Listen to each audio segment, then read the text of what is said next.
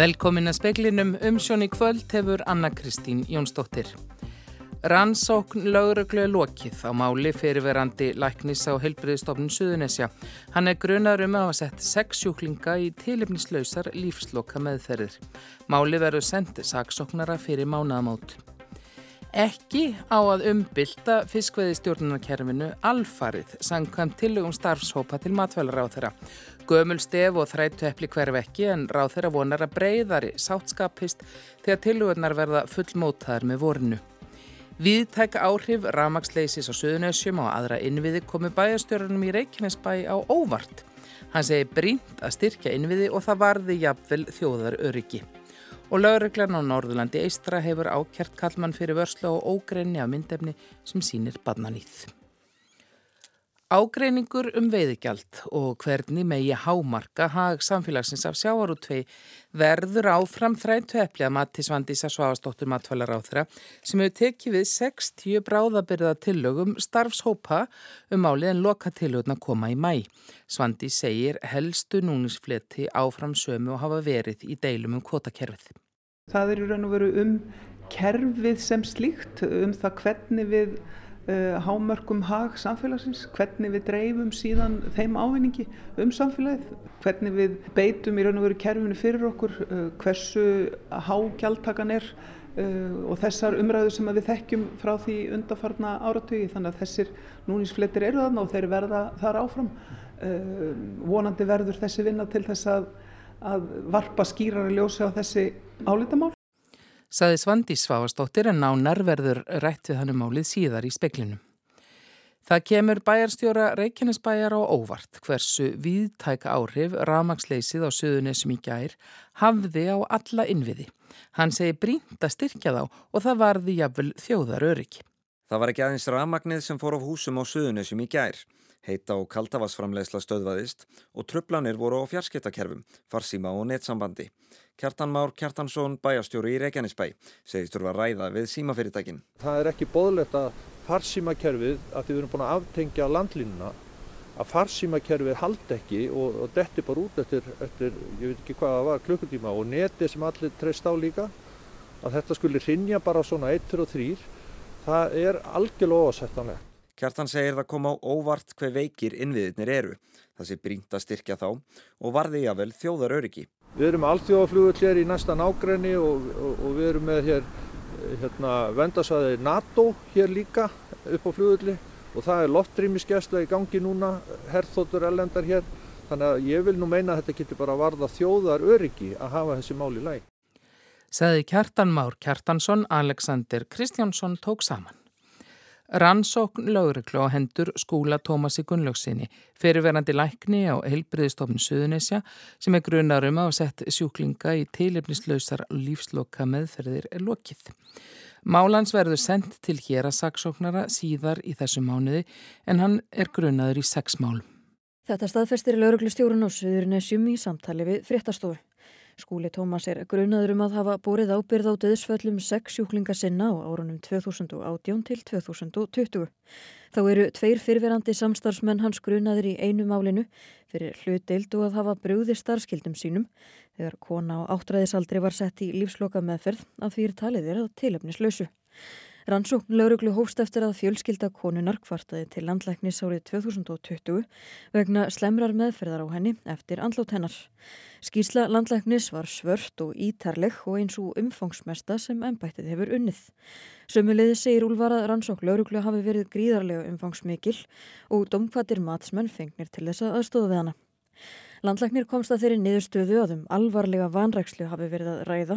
Bráðum sjúkdómseinkennum hafi ímist verið gefin engin eða ofullnægjandi göymur og læknir hafi látið hjá líða að grípa til viðegandi rannsókna. Þá voru legusár ómið höndluð, læknar taldir hafa vanskráð sjúkra skrár og þeir sagðir hafa sínt af sér vanrækslu og heyrðuleysi, auk vanvirðingar við aðstandendur. Skúli Tómas var sviftur starfséttindum sínum vegna málsins. Hann fekk síðan lækningarlefið að hluta frá landlæknisembættinu og hófi framhaldinu störf á landsbítala. Eftir gaggrinni á landsbítalan var hann listur frá störfu. Sunna Karin Sigurþórsdóttir sagði frá. Lögreglan á Norðurlandi Eistra hefur ákjert kallmann fyrir vörslu þúsunda mynda og myndbanda sem sína badnanýð. Maðurinn hafði sótt skoðað eða dreift myndefninu sem meðal annars síndi brot gegn mjög ungum börnum. Maðurinn var handtekinn sömarið 2019 þá vegna grunnsum akstur undir áhrifum fíknefna. Fíknefni fundust á manninum og vegna aðstæðana vaknaði grunur um sölu þeirra. Lörgla óskæði eftir að maðurinn afhendi síma sinn til rannsóknar sem hann gerði og þá fannst hluti barnanýðs efninsins. Í yfirherslu játaði maðurinn umferralagabrót og vörslu fíknefna. Í kjölfar þess var svo gerð húsleitt á heimili hans á Östurlandi og í sumarbústað á Norðurlandi. Í símamannsins, iPad, spjaltölfu og öðrum síma fannst svo ógreinni barnanýðs efnis. Frettastofa hefur ákæru yfir manninum undir höndum og hún er ítarleg. Manninum er gert að söka hafa í vörslu sinni 757 myndir sem sína börn á klamfengin hátt, 111 myndbönd, 1574 teiknaðar reyfimyndir og 18.910 teiknumyndir. Sumar myndana sína nöðganir á börnum og jafnvel mjög ungum börnum. Ákjæran var byrt manninum í mars í fyrra. Eithor Þorbergsson, aðstóðar saksóknari á Norðurlanda Eistra, segir í skriflegu svari við fyrirspurt fyrirtastofum að rannsóknin hafi tekið þennan tíma meðal annars vegna þess hvað umfangsmikið barnanís efnið er. Fara þarf yfir það allt sem jafnan tekur tíma. Þar að auki hafi maðurinn flutt til útlanda og unnið á sjó á meðan rannsók stóð. Talið var meira í anda meðalhófs að fá mannin sjálf viljuan til landsins í stað þess að gefa út alþjóðlega handtökuskipun og fá hann framseldan. Fyrirtaka í málunu var á Dasgrá Hérastóms Norðurlands Eistra annan januar síðastlegin. Ottur Þórðarsson saði frá. Norska rannsóknarlauriklan Kripos vill yfirheyra rúsneska flottamannin Andrei Medvedev. Medvedev kom til Noregs nývarið, nýverið og saðist að veri hátt settur í Vagnerhópnum, hópi málaliða sem berst við hlið rússa. Hann neytar því þó að hafa tekið þátt í stríðskleipum sem úkrænumenn í Noregi sakaðan um. Kripos hefur umsjón með rannsóknum á stríðskleipum í Noregi og er þáttakandi í alþjóðulegri rannsóknanemnd á vegum alþjóðagleipadómstólsins um stríðskleipi í Úkrænu. Hitastígi gæti sveiblast um rúmlega 20 stig á næstu dögum, 10 stig að hita og mikillir rigningu er spáð á sunnanverðulandinu á föstu daginn og veðurstofan íhugar að gefa út viðvaranir vegna hláku. Það verður kallt á landinu næstu tvo daga en á 50. kvöld fer lægð að láta finna fyrir sér. En lægðin heldur áfram og drefur með sér hlýtt lofti yfir landið á, á, á fastudeginum og svona þokkalega kvassan vind og rigningu. Segir Þorstein Vaff Jónsson, veðurfræðingur hjá Veðurstofu Íslands.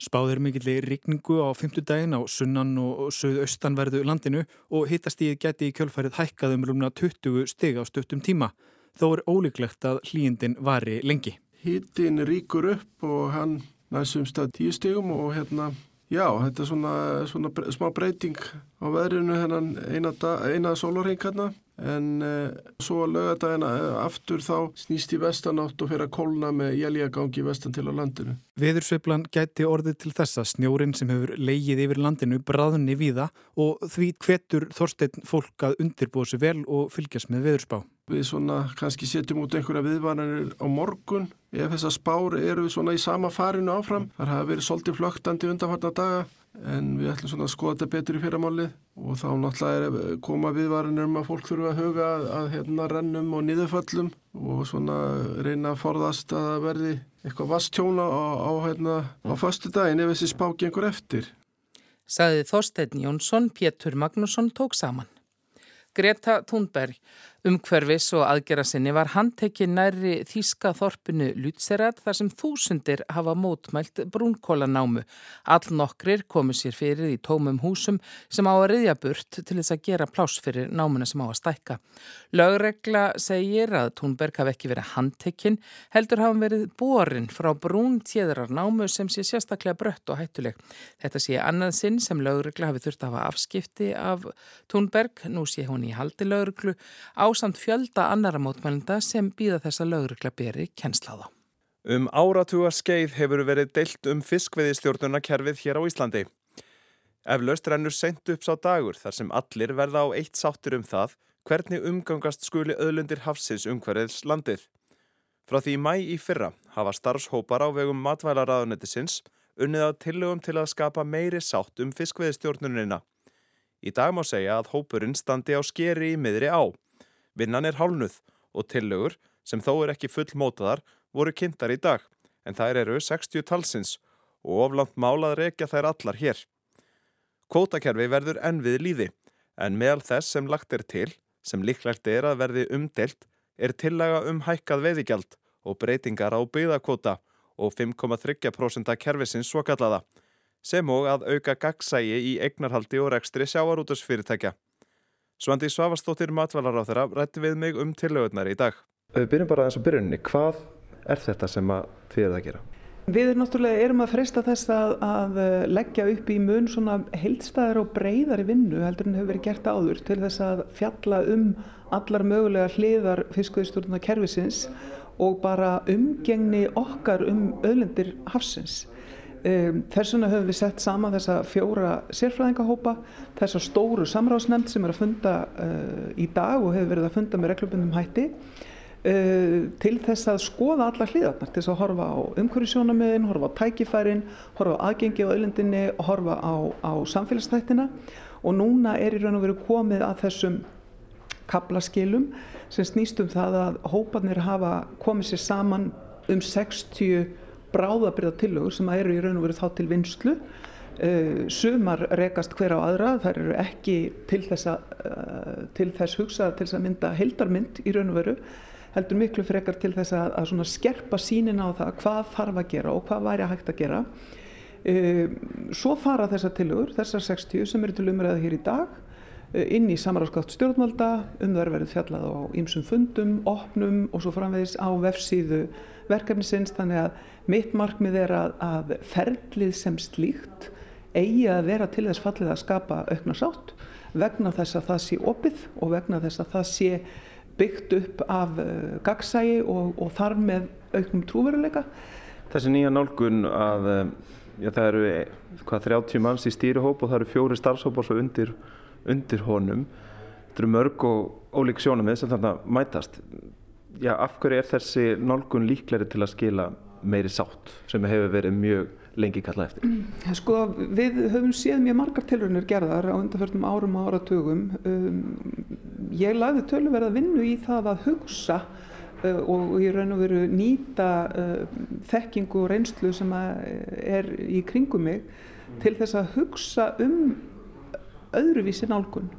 Uh, hugsa um nálgun sem að væri meira, snýrist meira um, um uh, þekkingu, upplýsingar, rannsóknir, uh, heldur en um svona skotgrafir og hefðbundnar núnísfleti. Uh, vegna þess að viðfánsefni mitt er ekki að koma fram með mínar skoðanir og reyna að koma þeim í gegn uh, í því skinni að, að breyta einhverju heldur er í raun og veru mitt verkefni að freysta þess að ná meiri sáttum málið og þess vegna verði ég að vanda mig uh, og þessi aðferð er viðleitni til þess að ná breyðari skilningi og breyðari sáttum málið.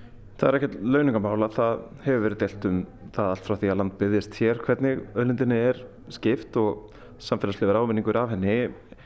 Eru komnað fram einhverja lausnir í þessu núna? Sko þetta eru bráðabæri og það er verið að fá að vera það meðan að, meðan að við erum í raun og veru í þessu, þessum kabla í vinnunni. Þannig að hver einasta tillaga er þannig að, hún, að við tökum fagnandi aðtöðasemdum og mótrökum. Þannig að það er ekki tímabært að segja að þarna sé lausnin fætt en hins vegar þá held ég að, að þessi hugmyndafræði sjálfbæra þróunar sem er þarna lögti grundvallar það er að segja að við byggjum á umhverfistóðinni, efnagastóðinni og samfélagstóðinni. Það sem umhverfið í raun og veru skapar grundvöldin sé rétt að leiðin til að gera þetta. Þetta eru 60 tilhauður. Hver eru helstu núningsfletinir? Já, það er bara eins og verið hefur. Það eru, það eru raun og veru um kerfið sem slíkt, um það hvernig við hámörkum hag samfélagsins, hvernig við dreifum síðan þeim ávinningi um samfélagið, hvernig við beitum í raun og veru kerfinu fyrir okkur, uh, hversu hágjaldtakan er uh, og þessar umræðu sem við þekkjum frá því undarfarna áratögi þannig að þessir núninsfletir eru þarna og þeir verða þar áfram. Vonandi verður þessi vinna til þess að að varpa skýrari ljósi á þessi álitamál. Stefnir í að fiskveiðistjórnuna verði umbylt með þessu?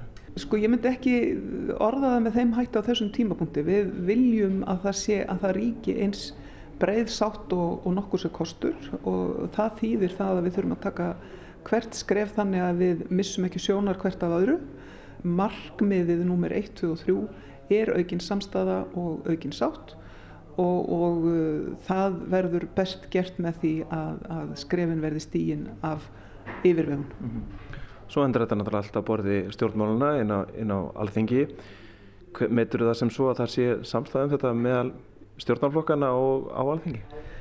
Já sko það er allavega sam, samstæða um aðferðfræðina. Það likur algjörlega fyrir og ég fór yfir þessi mál með ríkistjórn í morgun og, og þaðan fylgja mér bara góðar óskir mm. uh, og þessum fundi með sálnarsnemdin í dag eru auðvitað komað auðvitað upp gagstað sjónamið en fyrst og fremst þó þau að, að fólk hefur trú á verkefninu og, og er til í að vinna þetta áfram uh, og það er aðalatrið að, að við höldum uh, áfram fókus á því að við erum, uh, erum og ætlum að vera samferðað í gegnum þetta. Þessi skýsla sem að telur nú hvað 219 síður er samt sem aður hálfkviðin vísa, vinnan er hálnuð. Hvað gerist næst? Það sem gerist næst er þetta að opna samráð, það er samráðskáttinn, það eru opnir fundir, opnir fundir á VF það eru fundir með aðtunöðanemnd, eh, það eru samtölu fjölmiðla og hvað eina sem þarf til að kalla fram sem fjölbreyttu sjónamið. Við erum með ýmsar greiningar og rannsóknir sem verður að vinna til hliðar. Við höldum áfram að nota eh, vefin öðlindunokkar.is til þess að, að sapna saman öllum gögnum og upplýsingum og þar á meðal er einn hnappur sem er leið hvers og eins í samfélaginu til að koma sínum skoðunum af. Þessi tími frá því núna í janúar og þangu til í mæ verður notaður til þess að vinna sig í gegnum þessar upplýsingar sem mannum voru að koma fram á þessar tilögur.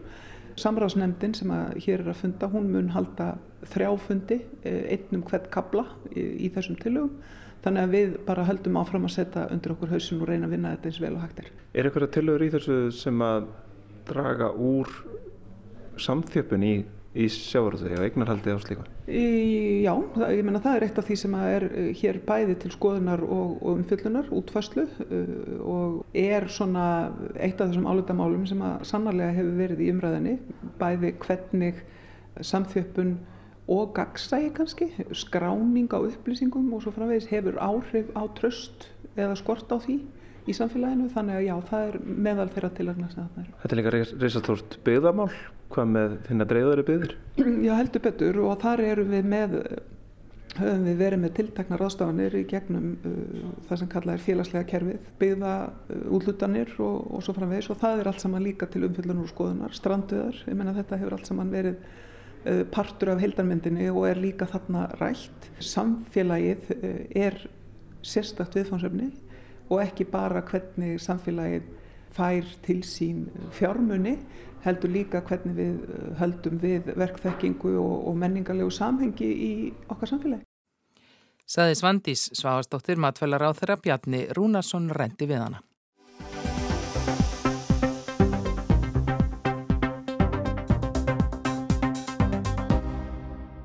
Norðurlönd, allt til friðar, er yfirskrift formensku Íslands í Norrænu ráðarnemdini, formensku sem hófstum áramótin. Nemdin er hinn ofinberi samstagsvettvangur stjórnvalda á Norðurlöndum. Fyrir fjórum árum var þar samþygt framtíðar sín fram til 2030 og með því mörguð nokkur þáttaskil. Norrænt samstarf skiptir allar þjóðuna miklu máli og skilar þeim öllum miklum ávinningi en ekki síst Íslendingum, segir Guðmundur Ingi Guðbrandsson sem er samstarfsráð þeirra Norðurlanda. Við Íslendingar erum nefnilega að fá mjög mikið út úr þessu samstarfi. Ef við bara horfum til þess að við leggjum mun minna fjármagninni það heldur hinn Norðurlandin, sérstaklega meða við hvað við erum að fá út úr því, í alls konar samstarfi, hvort sem að er á menningarlega sviðinu, við rannsóknir, nýsköpun eða hvaða þið er, þá höfum við haft mikið eh, ávinning af þessu samstarfi. Ég held að við séum öll sammála um það. En það hafa öll löndin gert. Þetta er svolítið eins og þegar þú leggur saman 2 og 2 og í staðin fyrir að fá út fjóra þá færðu út 5 eða, eða 6. Þannig ég held að, ég sammála því, við erum, erum öll sammála um það. Það varð ákveðin stefnubreiting árið 2019, einmitt þegar Ísland var síðast í formensku, en þá um, var samþygt ný framtíðasín fyrir Norrænur áþræðanemdina. Framtíðasín uh, fyrir, eða til framtíð ásins 2030 sem að gengur út á að, að Norðurlöndin eigi að verða sjálfbærasta og samþættasta svæði heims og grundvelli þessara framtíðasínar uh, var búin til framkvæmda áallun til árana 2021-2024 þar sem er lögð áhersla á þrjú megin mál og það eru græn Norðurlönd, það eru samkefnishæf Norðurlönd og það eru félagslega sjálfbæri Norðurlönd. Og frá því að þessi breyting var 2019 að þá hafa löndin verið með áherslur á þessi málefni í sínum um, sagt, formensku áallunum. Og þannig er líka með Ísland nema við bætum þessari áherslu á frið við auðvitað í ljósi þeirra átaka sem að núna eiga sér stað með í kjálfar innrásar rúsaðin í Úkrænu. Þar sem að við viljum draga fram mikilvægi friðar sem í rauninni aflvaka og forsendu fyrir velferðarsamfélagunum okkar, fyrir kvennfrelsi, fyrir umhverfisvernd og það að geta tekist á við stórar áskoranir eins og til dæmis í umhverfismálum og jafnbrettis og mannrettindamál almennt séð. Grænumálunum sem umlikja bæði umhverfis og velferðamál verður lög sérstokk áhersla á aðlögun samfélaga að lofslagsbreytingunum og samvinnu í kringum það. Hvað getur við lært hvert af öðru? Hvert eru við að stefna? Hver eru helstu áskoranirnar í kringum það? Og sama með þætti sem að snúað orkuskiptum. Normen hafa til dæmis verið leiðandi hvað var þar bílaflottan, Ísland verið þar á eftir. Nú eru við farin að horfa ennþá meira til uh, flugsamgangna og, og samgangna á sjó.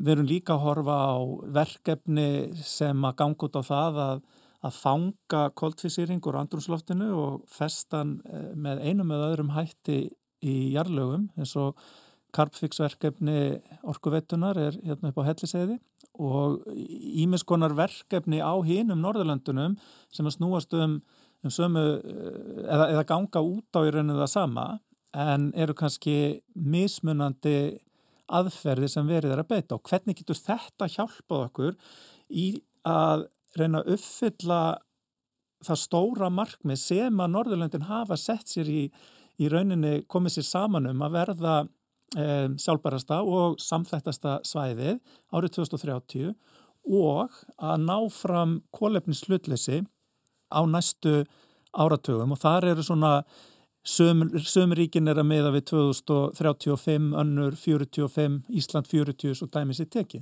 Guðmundur Ingi segir að löndin geti líka lært margt hvert af öðru þegar kemur að félagslegri sjálfbærni. Hann tekur dæmi af þjónustu við aldraða og að tryggja þurfi að stafræn þróun nýtist öllum. Þar með talið eldra fólki og fölluðu fólki. Og við erum til dæmis með sérstaka áherslu á það hvernig ætlum við að tryggja stafræna uh, þróun að hún, uh, að sé hægt að nýta hana af fölluðu fólki sem að hafa verið áskoranir sem við höfum orðið vörfið á undanförnum uh, árum og ekki, ekki síst í fyrra þegar að voru að koma upp allmargar áskoranir sem við erum að takast á við. Á Norðurlandarástingi sem haldi var í Finnlandi síðast var mjög rætt um öryggis og varnarmál. Það er breyting frá því þegar þau voru í raun undanskilin og valla á þau minnst áratugum saman. En sérstaklega var það ábyrrandi núna og ég held að það sem er eðlilegt í ljósi sko ekki bara innráðs á rúsa í Úkrænu heldur einmitt Uh, áhuga að finna á svíja og, og fyrir ætlana um að ganga í NATO. Hversu miklu eða mun það breyta þessu samstarfi? Sko varnarmál hafa ekki verið inn í samstarfi Norrönnur áþræðanemdarinnar en Ísland er náttúrulega aðilega eh, Nordefco sem er svona borgaralegi hluti Norræns varnarsamstars og uh, verðum það sjálfsögð á, áfram og þar er verið að endur skoða samstarfið meðal annars út frá áherslunum uh, fjölþáttaóknir, uh, við getum nefnt neturiki, lofslagsmál, almannavarnir og annað slíkt sem er þá verið að skoða núna. En ég svo sem fullir þið ekki eitt eða neitt um það hvort að þeir tímar sem við búum á núna og það sem er að gerast í umheiminum muni hafa áhrif inn til norrænur áþæranemdarinnar og þá kannski, þú veist, í þessu svona e, þá, þá líka hjá Norðurlanda ráði en umræðan, hún er klárlega í gangi um þetta og hún er bara hotlheldi. Danin Karin Ellemann tók við sem framkvæmtastjóri Norrænu ráþarnemdarinnar um áramótin. Eitt af hennar fyrstu verkum var að koma ynga og vera viðstödd þegar formensku áætlun Íslands var kynnt og þar koma væntingar og kröfur Norðurlandabúa um öflugra samstarf greinilega fram, segir Ellemann. Et andet vigtigt element som også er i programmet, det er hele initiativet omkring fred. Áherslan á frið sem kemur greinlega fram skiptir miklu og því miður meira máli nú en nokkru sinni. Við höfum kannski glemt því í okkar kvöndagstilveru þar sem stríð er viðsfjari að allt henni hefur að færst okkur miklu nær. Þess vegna verðum við að leggja höfuð áhersla á frið í norrænu samstarfi. Hann er fórsenda þess sterkast samfélags sem við eigum en friður verður ekki tryggður af sjálfum sér. Nú hafa svíjar og finnar sóttum yngöngu í Allandsafsbandalæð. Öryggis og varnarmál voru til skamstíma ekki upp á borðinu í Norðurlandarsamstarfinu. Ellemann segir mikilvægt að gleima því ekki að NATO sé vettvangur sem snúist um aðgerðir og útbúnað í norræna starfinu sé verið að fástu frum fórsendunar og samfélagsgerðina og til að geta synd um hverfismálum og orkuskiptum, mentun og menningu verði að ríkja friður. Þess vegna þurfum við að skerpa áherslunar, það sé fyrst og fremst gert með því að tryggja samþættingu og sjálfbærni. Og derfor når vi så arbejder konkret eksempelvis med uddannelsestilbud Og þegar við bjóðum upp á samstarf og möguleika til dæmis á sviði mentunar og menningar þá hittist fólk á grundvelli friðsamlegra samfélaga sem virka. en það er ekki sjálf gefið. Könnun sem gerð var á vegum Norrænu ráþærnemdarinnar í hitti fyrra síndi að 80% ungra Íslendinga kjósa helst að tala ennsku við fólk sem á eitthvert annað norðurlandamáluna móðumáli og svipagildur um finna. Ellemann segir ekki á döfin að skipta yfir í ennsku sem samskiptamál í Norrænu samstarfi. Det er riktigt at vi må, vi må vedblive með að hjálpa ungdommen með að Og við megum ekki gefast upp og skilningi á málum grannþjóðana. Hún segist við það vel að það geti verið Íslandingum, Finnum og Grænlendingum erfitt en þá sé að grípa til tólkunar. Í samtölum við Íslandinga þar sem margir afsakki sína vondu skóladönsku hafum komist að því að þeim gangi öllum vel að talana. En auðvitað verið þá að gæta því að tala skýrt og kannski hæja á sér. Guðmundur Ingi hefur reynslu af fundahöldum bæði á ennsku og skandinavísku úr norrænu samstarfi og þekkir á því bæði kosti og galla. Gallarnir við að vera með ennsku, það er ekki alltaf alveg allir sem að ná að taka nægan þátt og gallarnir við skandinavískuna er að við erum ekki öll að jafna ekki að grundvelli. Það er bara þannig. Þess vegna hefur tólka þjónustan komið inn en mín skoðun er svo að við eigum að stöðla sem mest að því að við getum gert okkur skiljanleg og átt í samskiptum á Norðurlandamálum. En ég vil ekki líta á það þannig að það þýði að einhver þrjú af, segjum fimm, ef við erum að horfa á þessi fimm ríki, séu eitthvað réttherri heldur en finska og íslenska. Mér finnst það mikið réttlætismál að, að við getum líka fengið að tala okkar tungumál. Hvað verður séðan í framtíðinni? Vegna þess að það eru held ég að verða ákveðin kynnslóða skipti og eh, núna eh, þar sem að ungt fólk talar ekki eins mikið Norrlandamál og meiri segja mín kynslu og ég er að vera 46 ára og hún er nú kannski, bara svo ég tala fyrir sjálf mig, ég er ekkit rosalega sleipur, ég get bjarga mér en skilur hvað er að fara, þannig að það verður mjög áhugavert að sjá hvert þetta þróast og þetta er eitt af því sem við þurfum að ræða í Norrlandu samstarfi sagði Guðmundur Ingi Guðbrandsson, samstarfsráð þeirra Norðurlanda og líka var rætt við Karin Ellemenn sem er framkvæmdastjóri Norrænu ráð þeirra nefndarinnar. Veðurhorfur það verður norð-vestanátt 10-15 metrar á sekundu austast á morgun, annars hægari norðlæg eða breytileg átt. Dáli til jél fyrir norðan og austan en áfram bjart veður annar staðar, frostverður á bylnu 3-15 stig og kaldast inn til landsins. Það var helst í speklinum að rannsók lauruglu lokið á máli fyrirverandi læknis á helbriðistofnun Suðunesja sem er grunaður um að hafa sett sex sjúklinga í tilefnislausar lífsloka meðferðir. Máli verður sendt saksóknara fyrir mánaðamót. Viðtæk áhrif ramagsleysis á Suðunesjum komið bæjastjórnum í Reykjanesbæ og óvart. Hann segi brínt að styrkja innviði og það varði jafnvel þjóðar öryggi. Laugreglan á Norðurlandi Eistra hefur ákjart kallmann fyrir vörslu á ógreina myndefni sem sínir barnanýð. Fleirir ekki speklinum í kvöld, tæknimaður var Kormákur Marðarsson, Valgeröð Þorsteinsdóttir styrði útsendingunni, veriði sæl.